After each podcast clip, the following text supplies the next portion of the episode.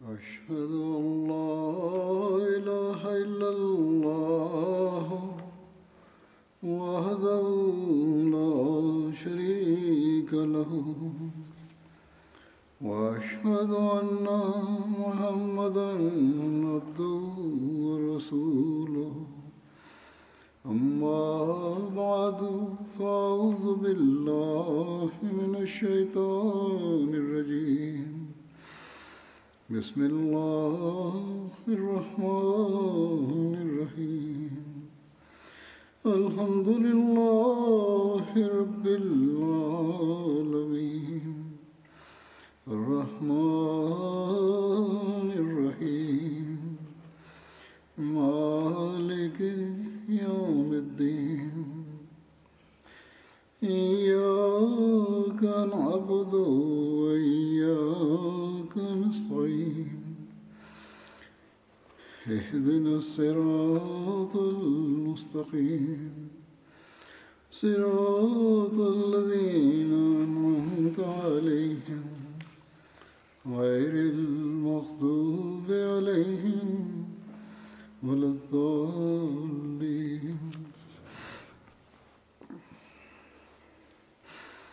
ومثل الذين ومثل الذين ينفقون أموالهم ابتغاء مرضات الله وتثبيتا من أنفسهم كمثل جنة بربوة أصابها وابل فآتت أكلها فآتت أكلها ضيفين وإن لم يصبها وابل فتل والله بما تعملون بصير.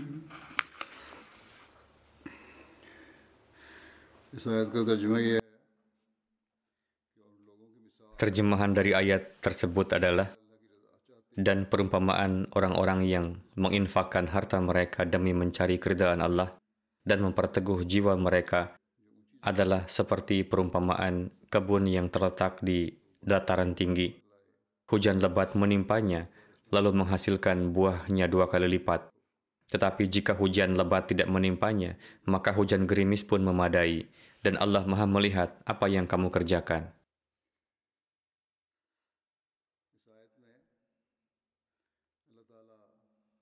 Dalam ayat tersebut, Allah Ta'ala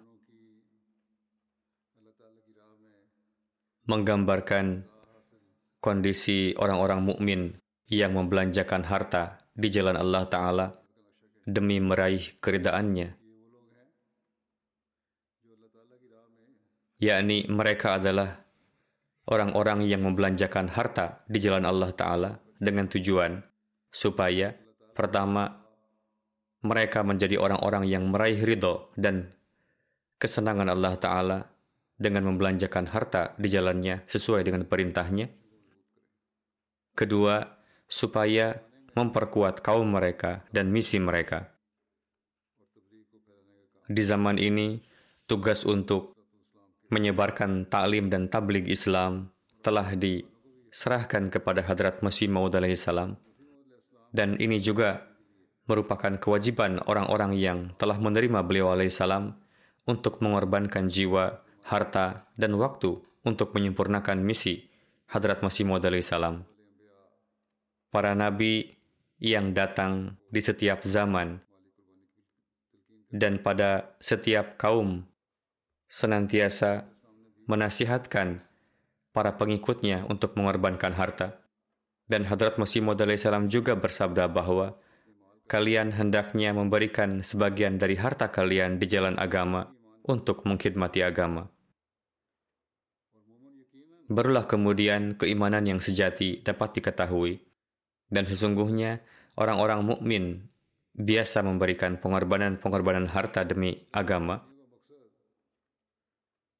dan tujuan dari pengorbanan tersebut bukanlah untuk berbuat ihsan kepada seseorang, melainkan mereka berkeinginan supaya bagaimana Allah Ta'ala ridho kepada mereka.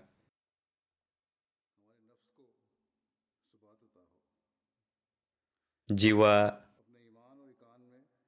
mereka diberikan keteguhan, tercipta keteguhan dalam keimanan dan keyakinan mereka, kaum mereka meraih kemajuan dan sebisa mungkin menguatkan orang-orang yang lemah dengan harta mereka dan menjadi orang-orang yang meraih tujuan bayat mereka kepada imam di zaman ini dan khadim sejati Hadrat Rasulullah Sallallahu Alaihi Wasallam.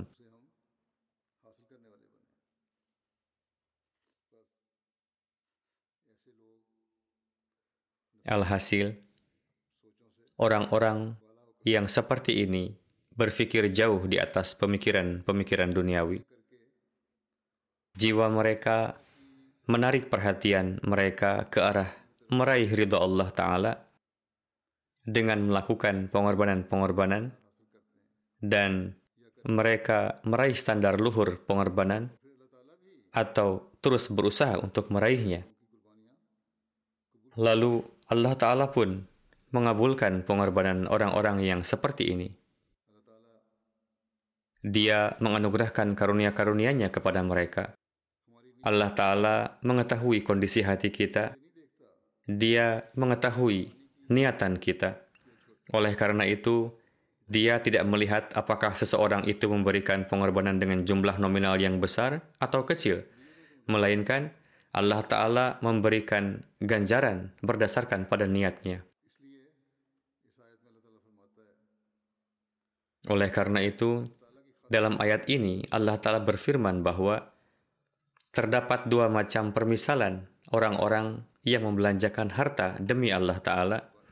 Yang pertama seperti wabil, yakni hujan yang deras, dan yang kedua seperti tal, yakni hujan gerimis atau embun.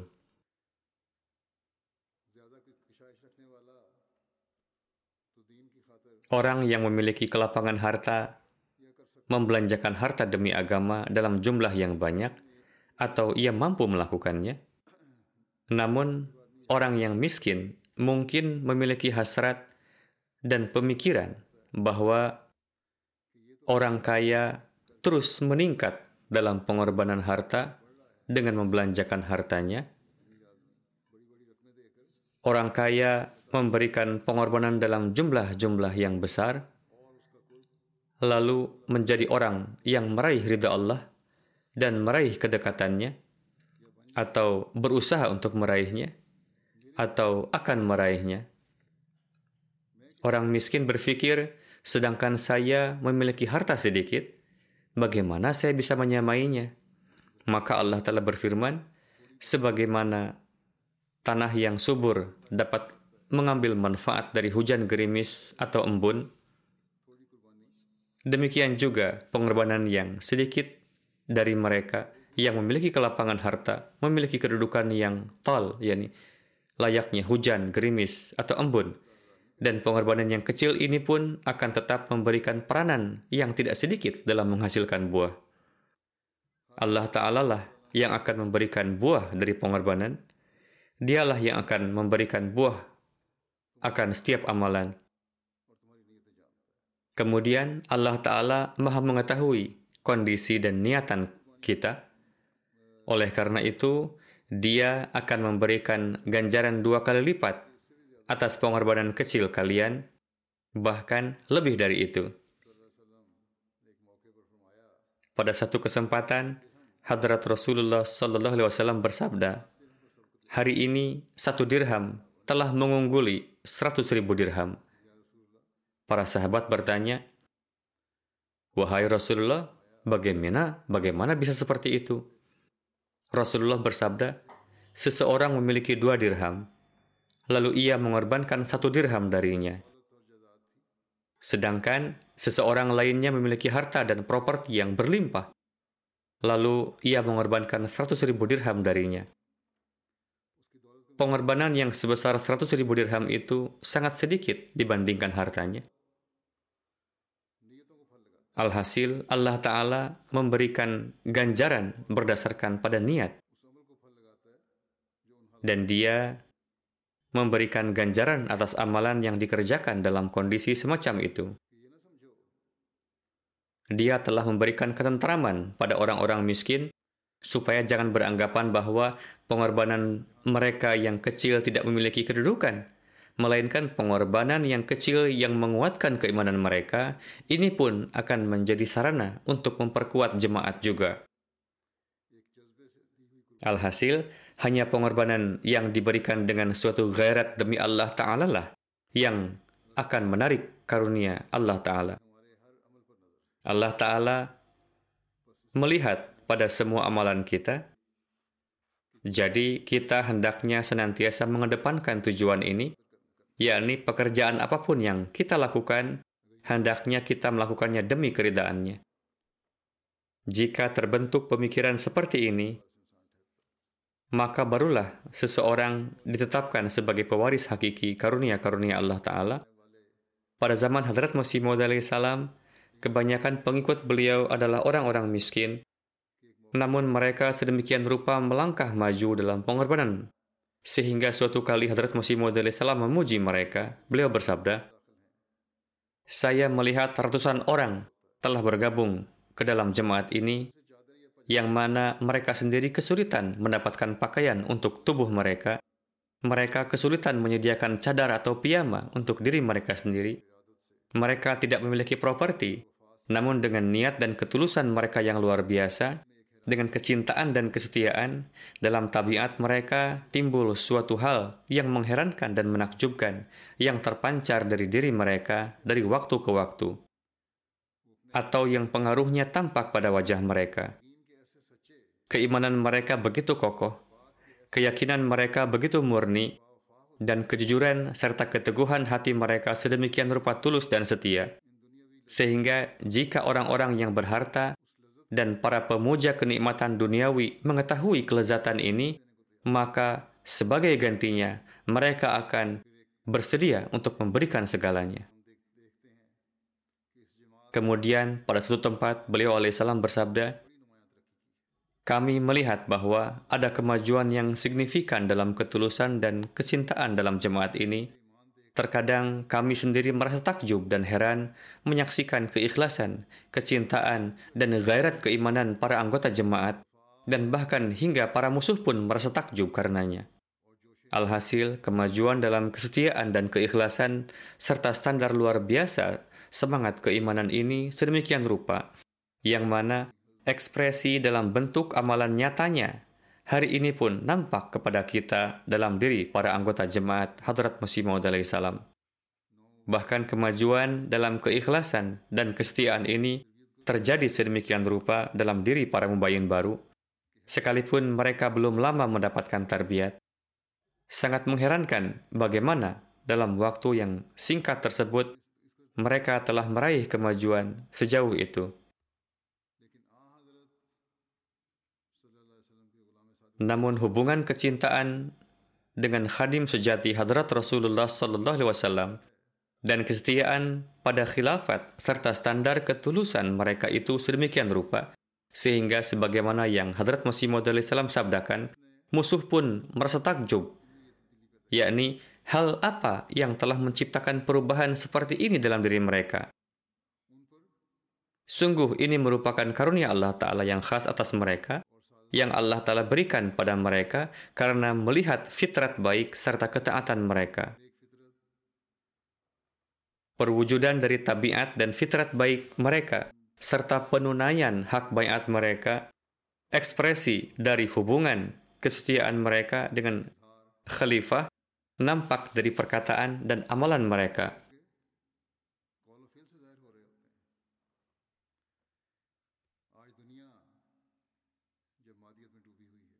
Di masa ini, ketika dunia telah tenggelam dalam keduniawian, orang-orang ini melakukan pengorbanan harta dan berusaha untuk saling berlomba satu sama lain supaya bisa meraih keridaan Allah Ta'ala. Karena mereka telah meraih pemahaman bahwa salah satu sarana untuk meraih keridaan Allah Ta'ala adalah dengan membelanjakan harta di jalan Allah Ta'ala. Alhasil, siapakah yang bisa mengatakan mengenai jemaat ini yang sesuai dengan janji-janji Allah Ta'ala telah berdiri melalui perantaraan Hadrat Musi Maud salam bahwa jemaat ini terus melemah. Jemaat ini berdiri untuk maju dan berkembang dan tidak ada satupun serangan musuh yang bisa mendatangkan kerugian kepadanya sedikit pun. Dan dengan karunia Allah Ta'ala terus berkembang. Dalam pembahasan mengenai pengorbanan harta ini, saya akan sampaikan beberapa peristiwa mengenai bagaimana orang-orang menzahirkan keimanan dan keyakinan mereka dengan berkorban harta. Dan kemudian bagaimana Allah Ta'ala pun menganugerahkan keteguhan dalam iman mereka.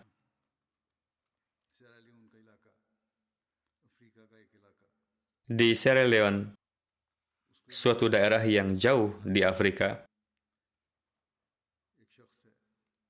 ada seseorang mengenainya mubalik lokal di sana menuturkan bahwa ketika melakukan kunjungan pada akhir bulan beliau memberikan himbauan mengenai wakfi jadid kepada para anggota salah satu jemaat di sana. Orang-orang hadir di masjid, Pak Mubalig memberikan himbauan, maka imam di sana, yakni yang bernama Imam Syekh Utsman menyerahkan uang yang telah terkumpul dan berkata, kami tidak bisa memenuhi perjanjian kami dan kami memiliki keinginan yang tulus untuk memenuhi target dan perjanjian kami. Saat itu tidak ada wasilah dan sarana untuk melunasinya. Singkatnya, Pak Mu'alim mengatakan, berdoalah. Mubalik lokal menuturkan, saya memimpin doa dan semua orang mengucapkan amin dengan suara keras. Kemudian saya pulang ke rumah misi dengan naik motor. Pak Mubalik menuturkan, baru saja saya tiba di rumah misi, imam tadi menelepon saya dan mengatakan bahwa saya sedang menuju ke rumah misi untuk bertemu Anda. Saya merasa heran karena baru saja saya pulang dari sana. Sekarang sudah menelepon lagi. Ketika imam lokal itu tiba, beliau mengatakan, doa yang kami panjatkan itu dampaknya adalah tidak berapa lama setelahnya, seorang kerabat saya datang.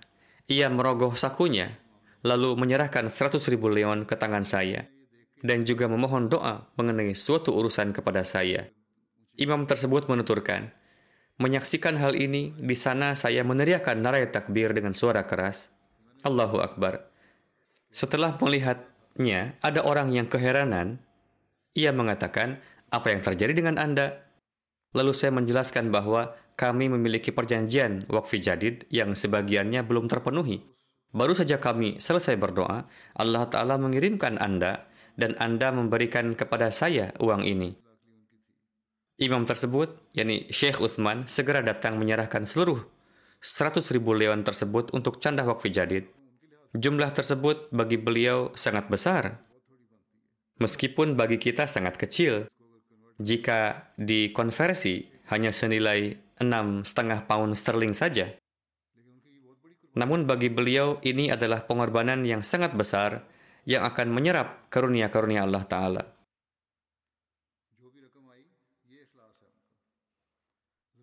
Beliau mengikhlaskan semua uang yang beliau terima, meskipun beliau memiliki keperluan pribadi, namun beliau tidak menyimpannya untuk diri beliau. Beliau segera datang dan menyerahkannya. Inilah contoh dari satu dirham mengungguli seratus ribu dirham. Sungguh pandangan kasih sayang Allah Ta'ala akan tertuju pada beliau. Kemudian lihatlah, standar pengorbanan semacam ini tidak hanya terdapat di satu tempat, tidak hanya terdapat pada laki-laki. Hal ini juga nampak pada kaum wanita. Chad yang merupakan sebuah negeri, Mubalik di sana menuturkan, Di sini pun dengan karunia Allah Ta'ala telah lahir suatu jemaat yang mukhlis. Sebagian besar anggota di sana adalah mubayin baru. Ada seorang wanita yang bernama Ummi Hani. berjanji sebesar 70 ribu franc untuk wakfi jadid. Beliau tidak mampu memenuhinya. Beliau mempunyai seekor unta. Beliau menjual unta itu seharga 170 ribu. Beliau melunasi perjanjian wakfi jadid dan sisanya tidak beliau simpan untuk diri beliau, melainkan diserahkan untuk pos-pos candah lainnya. Kemudian Togo, sebuah negara lainnya. Di sana ada seorang Ahmadi bernama Ibrahim.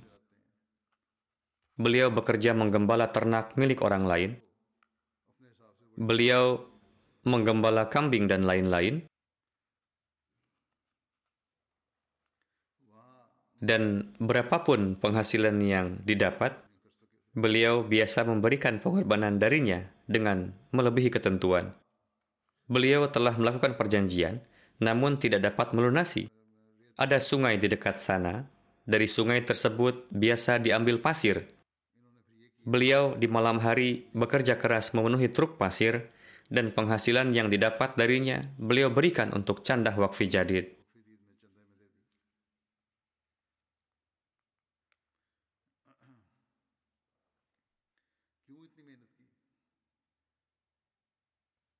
Mengapa beliau sedemikian rupa bekerja keras?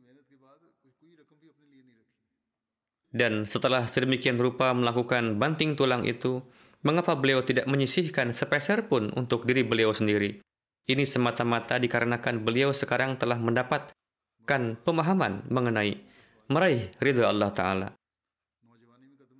Kemudian tidak hanya terbatas pada para laki-laki dan wanita dewasa atau yang sudah berumur, Demikian juga lah halnya anak-anak yang sedang menuju masa remaja. Di Belize, sebuah negara di Amerika Tengah, ribuan mil jauhnya dari sini, Khalifah bahkan belum pernah berkunjung ke sana. Semuanya adalah para Ahmadi baru, namun mereka memiliki satu pemikiran, baik itu dari Afrika, Amerika, Kepulauan, atau Asia mereka memiliki satu pemikiran. Dan inilah revolusi yang Hadrat Masih Maud salam telah ciptakan. Peristiwanya sebagai berikut. Ada seorang anak laki-laki berusia 14 tahun. Ia telah membayar candah tarik jadid dan saya telah menceritakan kisahnya dalam salah satu khutbah saya. Mengetahui hal itu, orang-orang pun mengucapkan mubarak kepada anak tersebut Bahkan ada juga seseorang dari Kanada yang mengirimkan hadiah sebesar 200 dolar. Ia mengatakan, kamu telah melakukan pengorbanan, ini hadiah dari saya. Sekarang lihat kondisi anak ini yang berusia 14 tahun. Kalau di sini, mungkin akan timbul keinginan untuk membeli game-game. Anak itu berkata, saya harus membuat kartu jaminan sosial saya. Untuk hal tersebut, saya memerlukan 30 dolar. Oleh karenanya, saya akan menyimpan 30 dolar, sedangkan 170 dolar sisanya akan saya berikan untuk canda. Anak laki-laki ini berasal dari keluarga miskin. Kepadanya juga telah disampaikan bahwa simpanlah untuk dirimu sendiri, simpanlah untuk keperluanmu, telah dimohon dengan sangat supaya ia menyimpannya, namun ia sangat bersikeras memberikan semua uangnya untuk canda. Inilah yang dimaksud mengutamakan agama di atas dunia. Semoga pemikiran seperti ini tetap ada dalam diri anak tersebut, dan semoga Allah Ta'ala menjaga anak tersebut dari pengaruh lingkungan duniawi. Kemudian Jamaika, sebuah negara lain, ada seorang khadim bernama Yasin Sahib. Anak yang saya ceritakan tadi bernama Daniel dan yang sedang saya kisahkan ini bernama Yasin. Beliau telah lama menganggur. Beliau berjualan permen, coklat, dan lain-lain di ganggang. Namun, dalam kondisi seperti ini pun, beliau selalu memikirkan bahwa saya harus melakukan pengorbanan harta. Saya telah berjanji candah wakfi jadid dan tahun perjanjian akan berakhir. Sedangkan saya tidak memiliki apa-apa. Akhirnya, pada sore hari, tepat di hari terakhir bulan Desember, beliau datang kepada Pak Mubalik dan mengatakan, Hari ini saya mendapatkan penghasilan sebesar 400 dolar Jamaika. Sekarang saya akan memberikan 25 persennya, yaitu 100 dolar kepada Anda untuk canda wakfi jadid.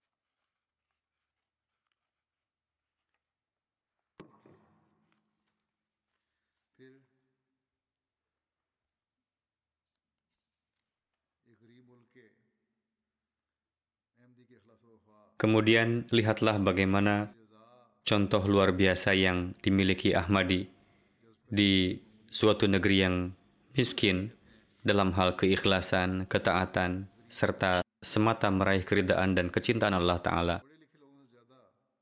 Orang lain mengatakan bahwa mereka adalah orang-orang yang buta huruf dan miskin, namun mereka adalah orang-orang yang lebih memahami agama dan kaya hati bahkan dibandingkan dengan mereka yang berpendidikan. Di negeri Gini Kunakri, Mubalik in charge menuturkan, pada 10 hari terakhir tahun perjanjian wakfi jadid, saya berkhutbah tentang keutamaan dan keberkatan wakfi jadid. Saya pun menyertakan beragam kutipan dari khutbah huzur dan menekankan anggota jemaat akan pentingnya pengorbanan harta. Beliau berkata, di akhir khutbah, Musa Sahib, seorang Ahmadi yang miskin namun sangat mukhlis, menyerahkan kurang lebih 218.500 franc Gini untuk pengorbanan wakfi jadid. Ketika saya bertanya, apa sebabnya Anda memberikan jumlah yang besar seperti halnya tahun lalu? Beliau menjawab, di dalam hati saya telah tertanam dengan sangat kuat sabda Khalifatul Masih bahwa dua cinta tidak mungkin berada di dalam satu kalbu. Apakah seseorang memilih mencintai Tuhan atau hartanya? Inilah sebabnya jika saya mendapat kesempatan, saya berusaha untuk menzahirkannya juga dengan amalan saya. Beliau berkata, saya tidak sanggup memiliki keimanan seperti Hadrat Abu Bakar Siddiq radhiyallahu anhu yang menyerahkan seluruh harta di jalan Allah Ta'ala. Namun yang dapat saya lakukan adalah menyerahkan semua harta di jalan Allah Ta'ala. Dan saya mohon doa semoga Allah Ta'ala pun menganugerahkan kepada saya keimanan seperti yang dimiliki oleh Hadrat Abu Bakar radhiyallahu anhu. Beliau berkata, alasan besar yang kedua adalah sejak saya ambil bagian di dalam pengorbanan harta, Allah Ta'ala menganugerahkan saya harta keimanan yang melimpah, iman saya bertambah, dan ada perubahan luar biasa di dalam diri saya. Inilah pemahaman yang tidak terdapat di banyak orang yang terpelajar sekalipun. Kemudian berkenaan dengan bagaimana Allah Ta'ala menganugerahkan sarana untuk peningkatan keimanan, terdapat satu lagi peristiwa di negeri Gini Konakri. Al-Hasan Sahib, seorang Ahmadi mukhlis dan terpandang di sana, menuturkan, Saya menyimpan uang untuk candah di amplop dan meletakkannya di atas meja. Karena pekerjaan dan kesibukan lainnya, saya tidak sempat mengirimkannya ke rumah misi. Seketika saya teringat dan saya segera memerintahkan supir saya untuk mengirimkannya ke rumah misi dan membayarkannya untuk canda. Sementara itu, saya pergi ke tempat lain untuk suatu pekerjaan. Ketika saya di luar, terjadi kebakaran di kantor yang berdampingan dengan kantor saya hingga habis terbakar. Saat itu, telepon pun berdatangan, memberitahukan bahwa kantor saya telah terbakar sehingga saya harus segera ke sana. Beliau menuturkan, dalam hati saya berpikir, bagaimana mungkin saya baru saja memberi pengorbanan demi Allah Ta'ala. Beliau menuturkan, namun lihatlah bagaimana tanda dari Allah Ta'ala, bagaimana Allah Ta'ala telah menjaganya, yakni meskipun hanya dibatasi dinding saja dengan kantor sebelah, kantor saya sama sekali terjaga dan saat itu pun tengah ada banyak uang milik perusahaan.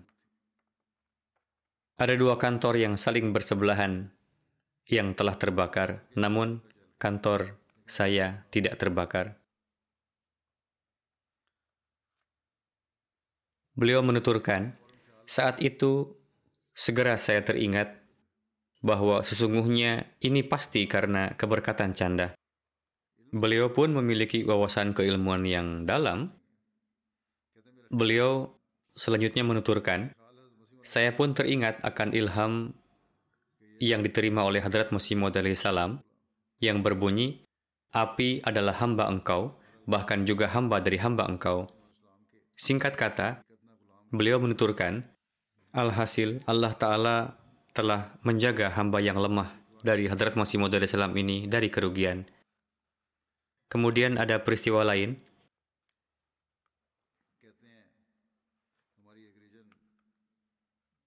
Amir Sahib menuturkan, ada mualim kami yang bertugas di jemaat di satu wilayah. Beliau menyampaikan, Samboba Sahib, seorang anggota jemaat kami, ketika mendengar khutbah huzur tentang wakfi jadid, di mana huzur menyampaikan tentang pengorbanan tahun lalu dan tahun yang baru, serta berbagai peristiwa pengorbanan, beliau lalu menyerahkan 500 dilasi. Pak Mu'ali menuturkan, Allah Ta'ala sedemikian rupa memberkatinya, yakni panennya tahun ini menjadi dua kali lipat. Ia sebelumnya berjanji 500 dilasi, namun membayar sebesar 1000 dilasi.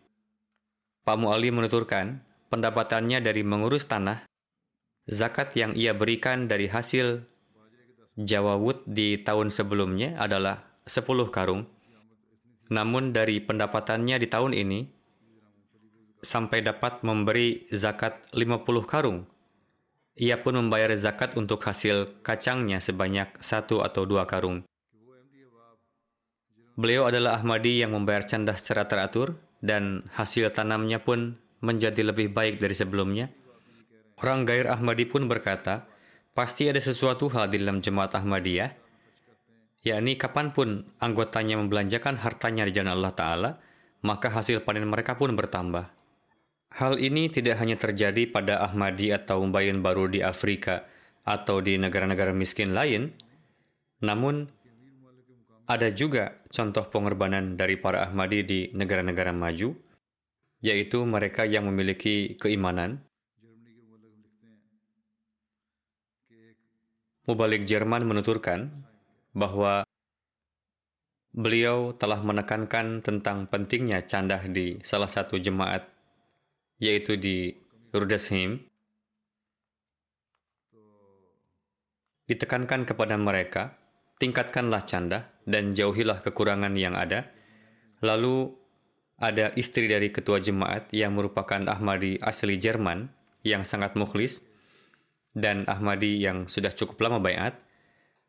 Tatkala Pak Mubalik menyampaikan agar candah di jemaatnya meningkat dan menghimbau agar mereka masuk ke dalam golongan yang membayar candah secara baik, wanita yang sudah berbayat tersebut memberikan 19.000 euro dan berkata, saya menyimpan uang tersebut untuk membeli mobil, namun hati saya sedemikian bergelora bagaimana supaya nama jemaat kami tampil di hadapan wujud khalifah.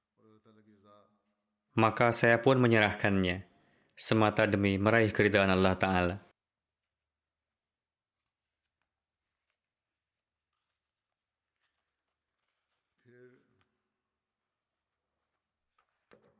Kemudian masih peristiwa di Jerman.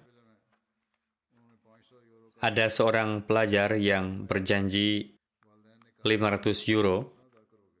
Orang tuanya berkata, bagaimana bisa kamu dapat memenuhi janji 500 euro ini?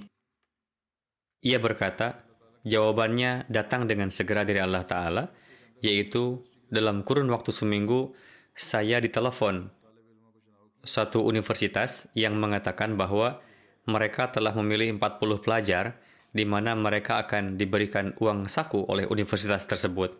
Lalu saya dimintai nomor rekening untuk dikirimkan uang saku sejumlah 1000 euro.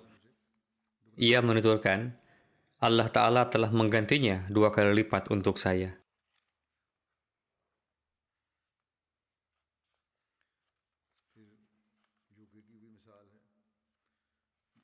Kemudian contoh dari UK, seorang Ahmadi bernama Balambeg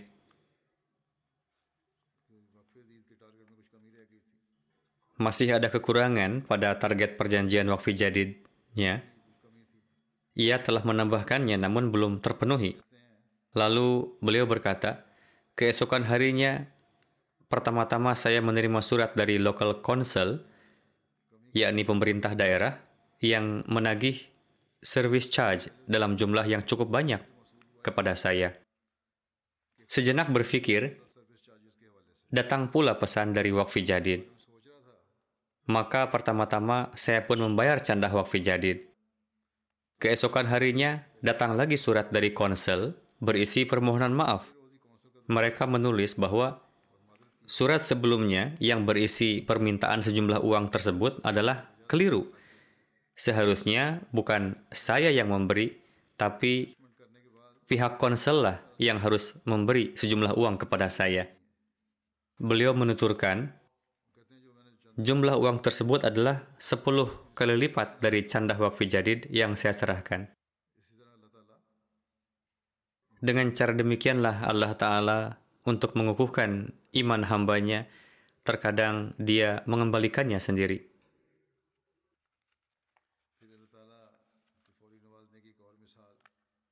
Lalu berkenaan dengan bagaimana Allah Ta'ala dengan segera menurunkan karunia-Nya. Ada satu contoh dari India. Di akhir tahun Wakfi Jadid, di Jemaat Yadgir, Inspektur Sahib menuturkan, saat saya datang ke sana dan menekankan pada orang-orang tentang hal ini, saya mendatangi seorang khadim dan menyampaikan kepadanya tentang candah wakfi jadid. Khudam tersebut menjawab, saat ini di saku saya hanya ada 1.500 rupis yang akan saya berikan untuk seseorang dan sangat penting untuk memberikannya.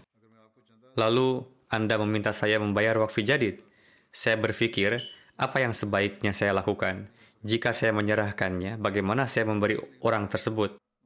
Sementara saat ini sulit untuk mencari selainnya dengan segera. Alhasil, ia berkata, tidak apa-apa, saya akan membayar candah saya. Ia pun menyerahkan 1.500 rupis lalu pergi. Inspektur sahib menuturkan, keesokan hari, saya bertemu di tokonya bersama sekretaris wakfi jadid ia mengeluarkan uang dari sakunya dan tampak sejumlah uang yang banyak. Ia berkata, setelah saya membayar canda dan tiba di rumah, ada sejumlah uang yang saya terima dari beberapa tempat dan saat ini ada beberapa ribu rupis di saya. Itu adalah sejumlah uang piutangnya yang dari beberapa orang. Demikianlah Allah Ta'ala menganugerahkan karunia kepada beliau. Kemudian tentang orang-orang yang kaya, yaitu kaya dalam pandangan jemaat, meskipun dalam pandangan dunia tidaklah mereka kaya. Ada seorang Ahmadi di jemaat Karulai. Ia menyerahkan canda sebesar satu juta rupis. Istrinya adalah seorang Ahmadi yang bayat dari Kristen. Beliau sangat menaruh perhatian dalam doa dan salat. Beliau sangat mukhlis dan seorang musi. Suami istri tersebut adalah musi. Inspektur Candah mengatakan, kami pergi ke rumahnya. Istri beliau lantas menyerahkan cek sebesar 500 ribu rupis. Inspektur Sahib berkata kepadanya, suami Anda baru saja menyerahkan satu juta rupis. Mengapa Anda pun tetap menyerahkannya? Istri beliau menjawab, nikmat apa pun yang telah kami terima itu adalah keberkatan canda. Maka dari itu saya ingin ber untuk berkali-kali memberikan canda. Atas berkat nyalah bisnis saya pun mengalami kemajuan. Oleh karena itu, kami tidak akan mundur dalam hal canda. Selanjutnya, Mubalik di Mali menulis, di banyak tempat melalui radio jemaat, kami telah menayangkan program-program tentang pentingnya pengorbanan harta dan wakfi jadid. Lalu beliau menulis, kami mengunjungi beberapa jemaat dan seluruhnya memberikan pengorbanan mereka. Seorang mubayin baru berkata, saat saya mendengar tentang gerakan membayar canda, saat itu saya tidak memiliki uang untuk diserahkan di jalan Allah Ta'ala. Saya berjanji, bahwa saya pasti akan menyerahkan apa pun coraknya itu kepada jemaat Ahmadiyah. Dan saya tidak akan terbelakang dari Ahmadiyah yang lain. Beliau berkata, saya pergi ke hutan dan mengumpulkan cukup banyak ranting dan batang pohon, lalu saya membuat arang darinya dan membawanya ke kampung saya. Tatkala jemaat mengadakan kunjungan kepadanya, ia menyerahkan 20 karung arang tersebut sebagai canda. Orang miskin itu telah menyerahkan segenap kesanggupannya. Jumlahnya adalah 50 ribu francs. Beliau berkata, kini saya sangat senang dapat ambil bagian dalam pengorbanan harta ini.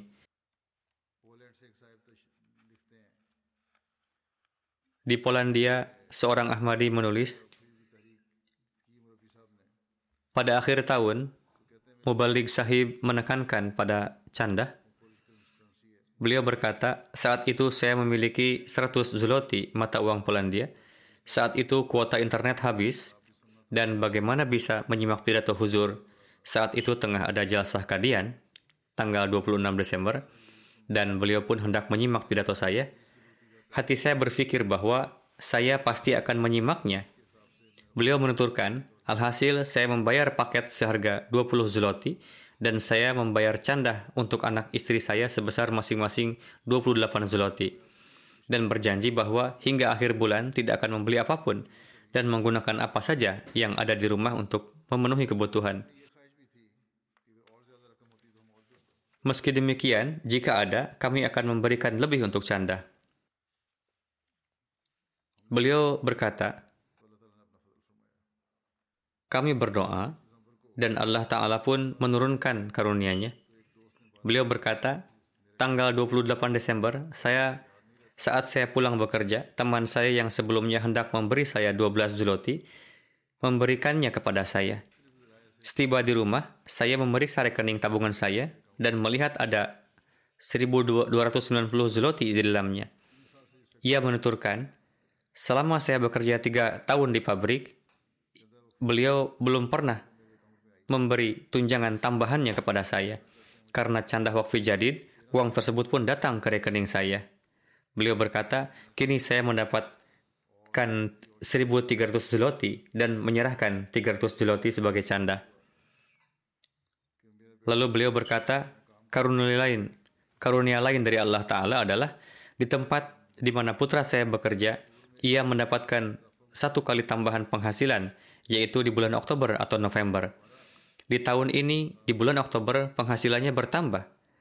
Dan di tanggal 31 Desember, penghasilannya pun bertambah kembali. Ia berkata, dengan ini, keimanan kami pun menjadi bertambah.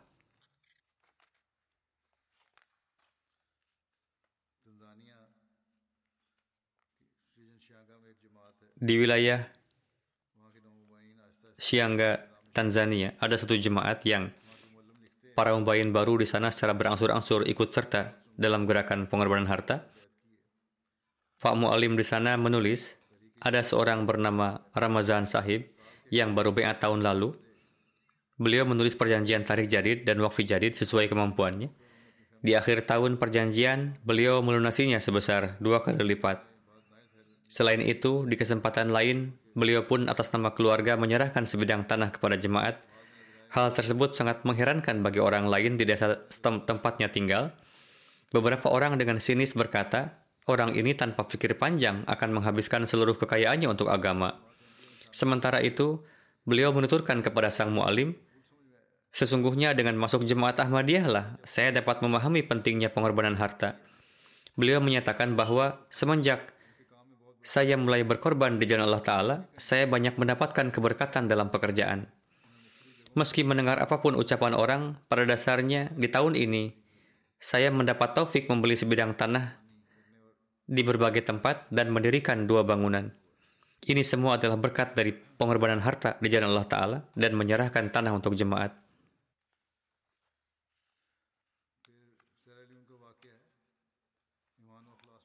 Kemudian ada peristiwa di Sierra Leone, bagaimana seorang mubayin baru mengalami kemajuan – ia berasal dari wilayah Port Loko. Mubalik di sana, Jibril Sahib menuturkan bahwa Beliau tengah menekankan para mubayin baru tentang gerakan wakfi jadid. Di sana telah berdiri jemaat baru, yaitu para mubayin baru. Saat itu ada seorang wanita tua yang tidak dapat melihat datang kepada saya dengan dituntun oleh seorang anak lalu berkata, saya memang belum menulis perjanjian, tetapi saya datang untuk menyerahkan 2000 lion ini untuk candah wakfi jadid. Mubalik lokal berkata, mengapa Anda menyusahkan diri untuk mendatangi saya? Panggillah saya, saya akan datang ke tempat nenek. Nenek menjawab, simaklah jawaban wanita tua ini yang memang tunanetra. Saya hanya memberikan jumlah yang ala kadarnya. Mengapa saya memanggil Anda? Saya ingin mencari pahala seutuhnya. Karena itulah saya sendiri yang kemari untuk menyerahkannya. Mubalik daerah San Pedro, Pantai Gading, menuturkan,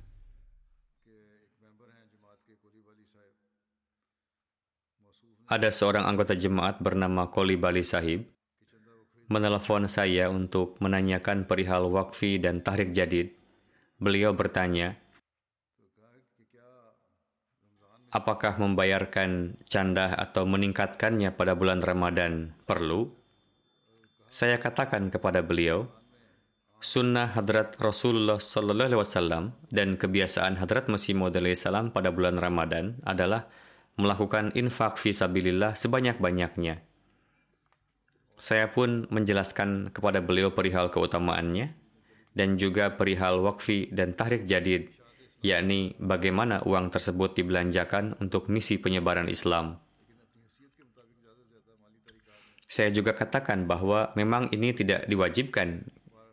Kita hendaknya mengambil bagian dalam gerakan pengorbanan harta ketika Ramadan sebanyak-banyaknya sesuai dengan kemampuan. Beliau yang sebelumnya biasa membayar canda setiap bulannya sebesar 20 ribu francs, lalu berjanji bahwa di masa yang akan datang, beliau akan membayar canda tambahan 30 ribu, ribu francs dengan dawam, tidak hanya pada bulan Ramadan saja, bahkan setiap bulan bersamaan dengan canda-canda sebelumnya. Uang tambahan akan beliau bayarkan secara khusus untuk wakfi dan tahrik jadid, dan beliau pun berjanji insya Allah hingga penutupan tahun ini akan berusaha untuk meningkatkan besarannya untuk candah wakfi jadid.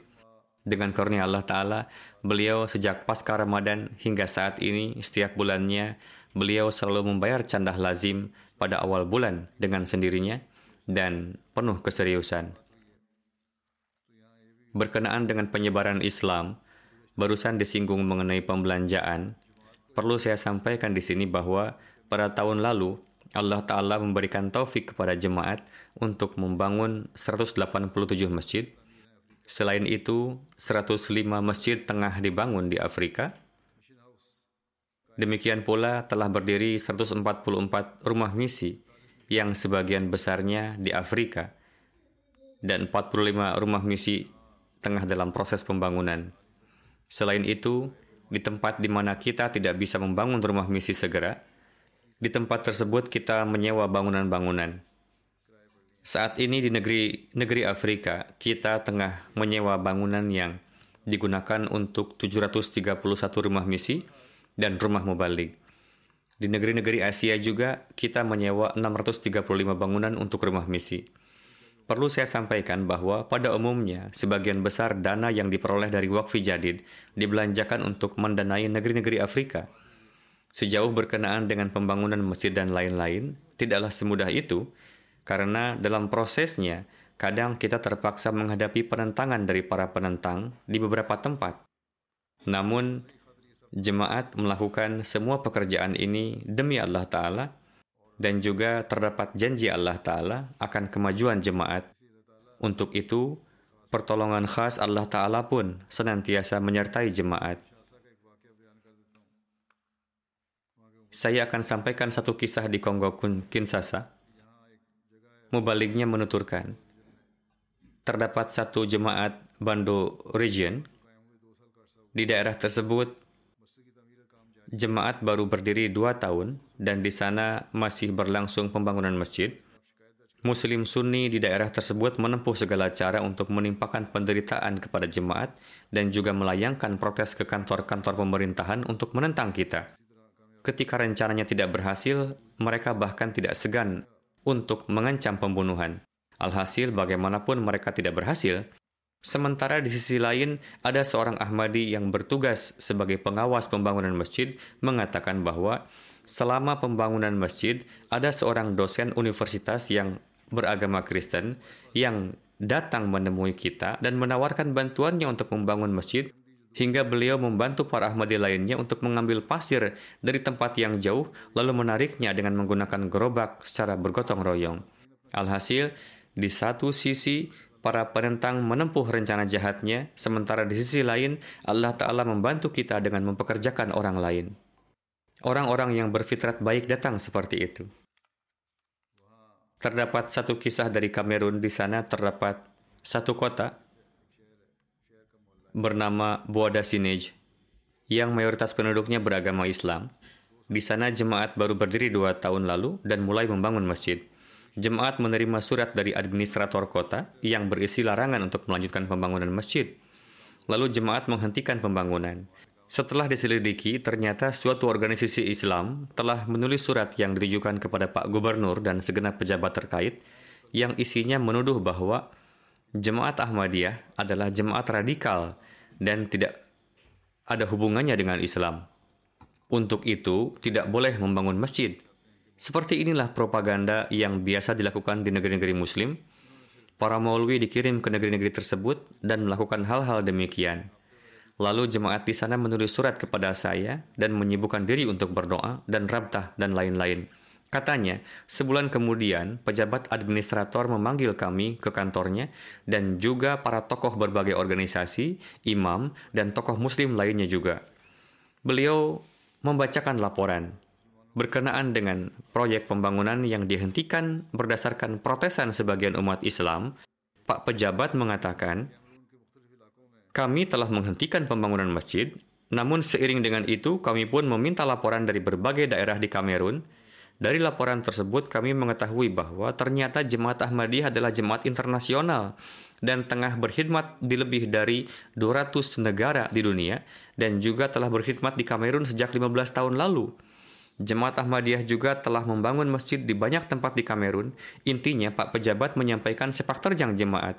Selain itu, beliau juga menjelaskan perihal pengkhidmatan kemanusiaan yang dilakukan oleh Ahmadiyah, bahwa jemaat telah memasang alat yang menghasilkan air bersih di banyak daerah, pompa air, mengurusi anak-anak yatim, membantu para siswa dalam bidang pendidikan, dan selalu menyuarakan perlawanannya terhadap grup-grup radikal, dan juga Ahmadiyah mengajarkan kedamaian dan toleransi.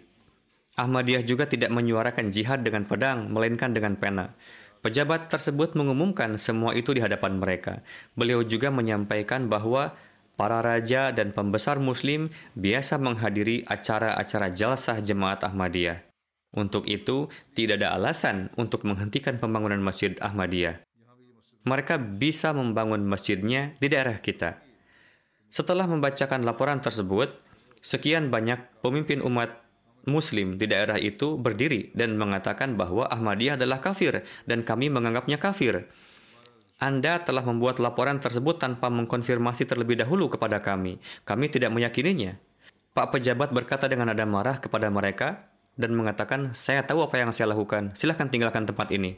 Akhirnya mereka bungkam dan beliau mempersilahkan jemaat untuk melanjutkan pembangunan masjidnya.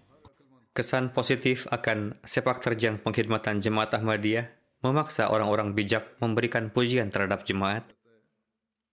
Ketika bekerja dengan didasari untuk menarik keridhaan Allah Ta'ala, maka Allah Ta'ala pun akan mengirimkan laskar penolongnya, dan dia sendiri akan menjauhkan hambatan yang diakibatkan oleh para penentang.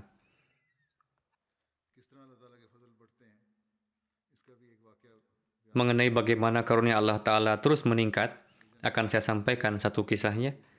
Ada satu laporan dari Upper West Region Ghana, dikatakan bahwa lebih dari 60 orang bayat berkat tabligh yang dilakukan. Di desa tersebut terdapat masjid jemaat yang kecil dan masih berdindingkan batu bata. Setelah melihat keberhasilan jemaat, Muslim non-Ahmadi membangun masjid yang permanen dan indah persis berhadapan dengan masjid kita. Mereka juga berusaha untuk menarik kembali para mubayin baru dari kita dengan menggunakan masjid indah tersebut. Beberapa mubayin baru yang lemah keimanannya berpindah ke masjid mereka. Di kemudian hari jemaat pun berhasil membangun masjid yang besar dan megah di sana.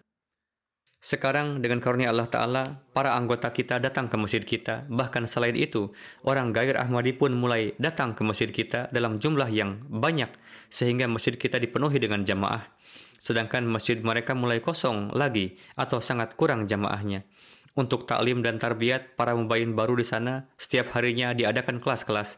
Dengan karunia Allah Ta'ala, berkat itu kemajuan jemaat semakin meningkat hari demi hari. Banyak sekali kisah yang menzahirkan banyaknya karunia Allah Ta'ala. Allah Ta'ala maha mengena, memenuhi janji. Allah Ta'ala memenuhi janji yang dia sampaikan kepada Hadrat Masih Maud salam dan menolong juga dengan cara-cara gaib dan akan terus menolongnya. Insya Allah Ta'ala.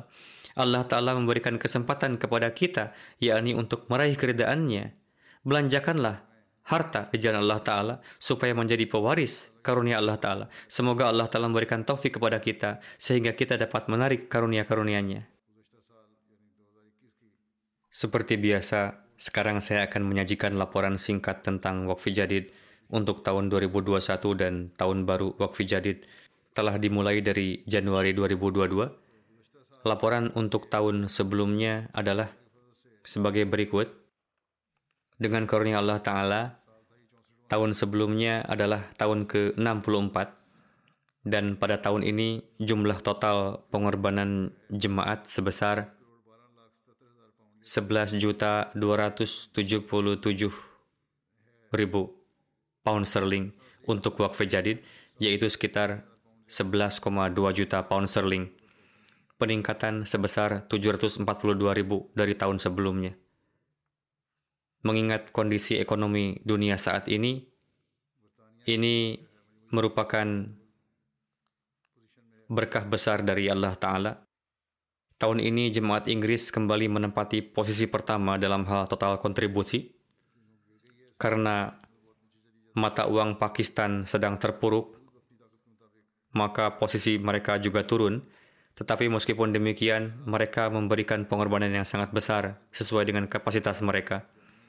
Bagaimanapun, dalam hal posisi Inggris yang pertama diikuti oleh Jerman, dengan karunia Allah Ta'ala, Inggris telah melakukan pengorbanan yang signifikan dan terdapat kesenjangan yang cukup besar antara Inggris dan Jerman. Posisi ketiga adalah Kanada kemudian Amerika Serikat, India, Australia, Indonesia, jemaat di Timur Tengah, Ghana, dan kemudian Belgia. Dalam hal kontribusi per kapita, Amerika Serikat adalah yang pertama, kemudian Swiss, dan kemudian Inggris. Dalam hal kontribusi keseluruhan di antara negara-negara Afrika, peringkat pertama adalah Ghana, Mauritius, Nigeria, Burkina Faso, Tanzania, Sierra Leone, Liberia, Gambia, Uganda, dan Benin berada di peringkat ke-10. Alhamdulillah, dengan karunia Allah Ta'ala jumlah peserta sebesar 1.445.000.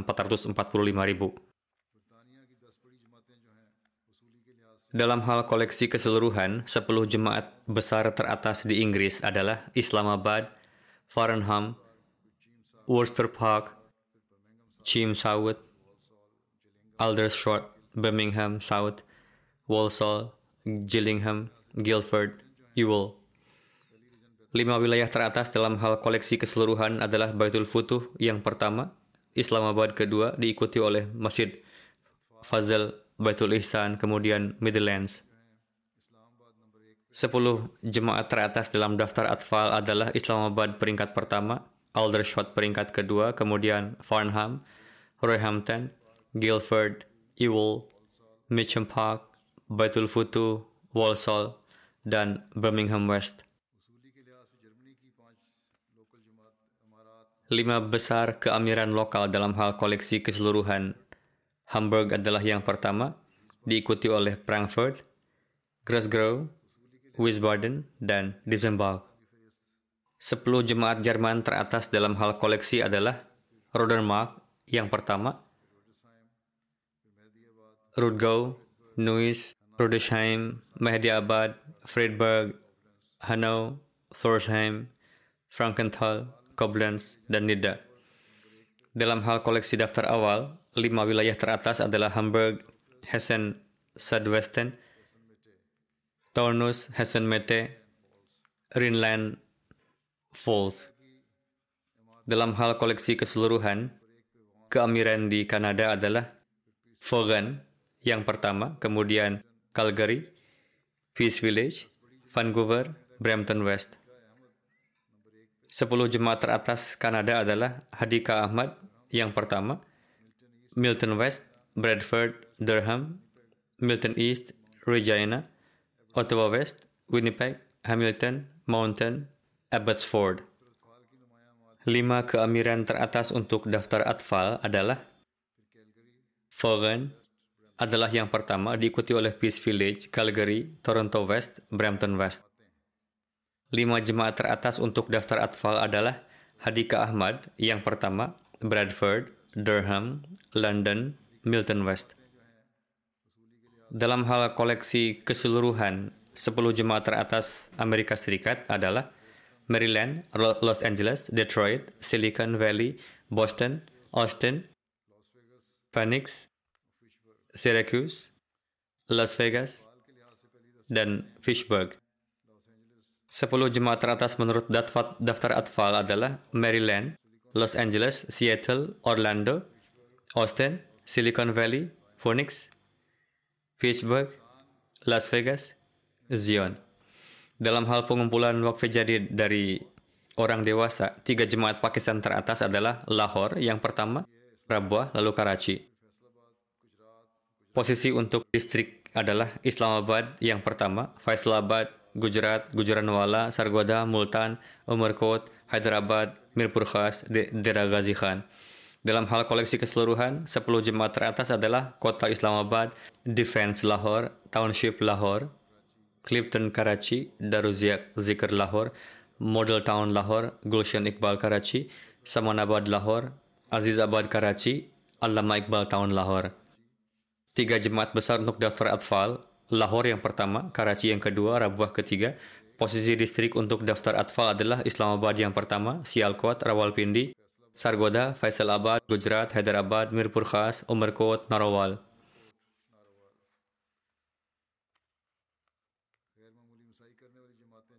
Jemaat yang membuat kemajuan luar biasa adalah Drigh Road Karachi, Mughulpura Lahore, Gujaranwala Shahar, Baitul Fazal Faisalabad, Peshawar Shahar, Dili Gate Lahore, Kotli Azad Kashmir, Nankana Sahib.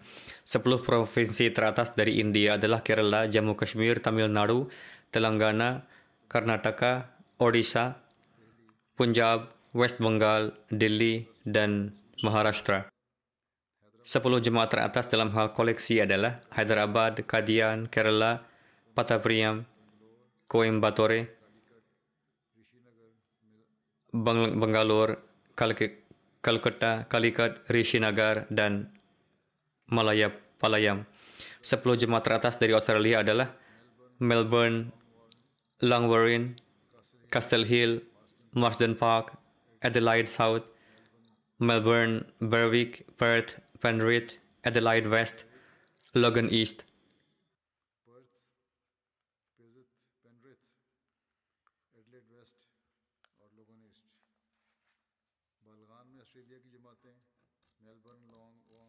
Jemaat di Australia dalam hal kontribusi dari orang dewasa adalah Melbourne, Langwarrin, Castle Hill, Marsden Park, Adelaide South, Melbourne Berwick, Perth, Penrith, Adelaide West, Blacktown, dan Canberra.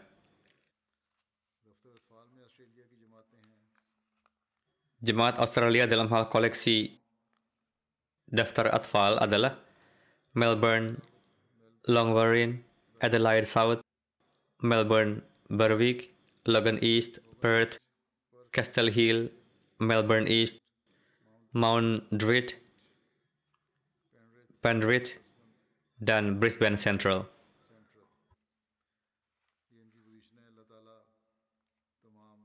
Itulah posisi peringkat mereka. Semoga Allah Ta'ala melimpahkan rezeki bagi semua yang telah mempersembahkan pengorbanan.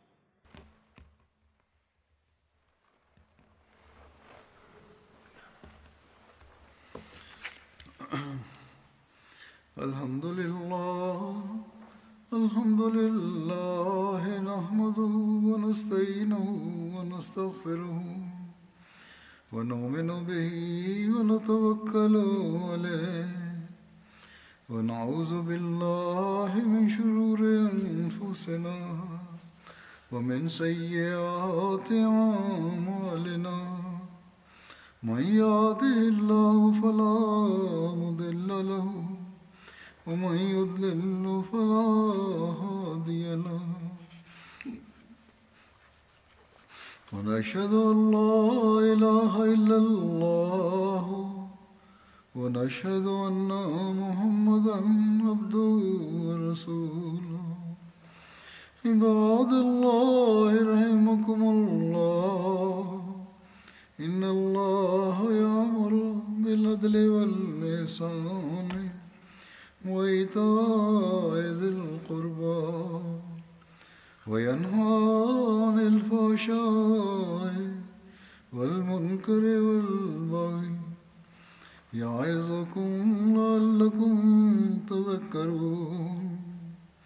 اذكروا الله يذكركم وادعوه يستجب لكم ولذكر الله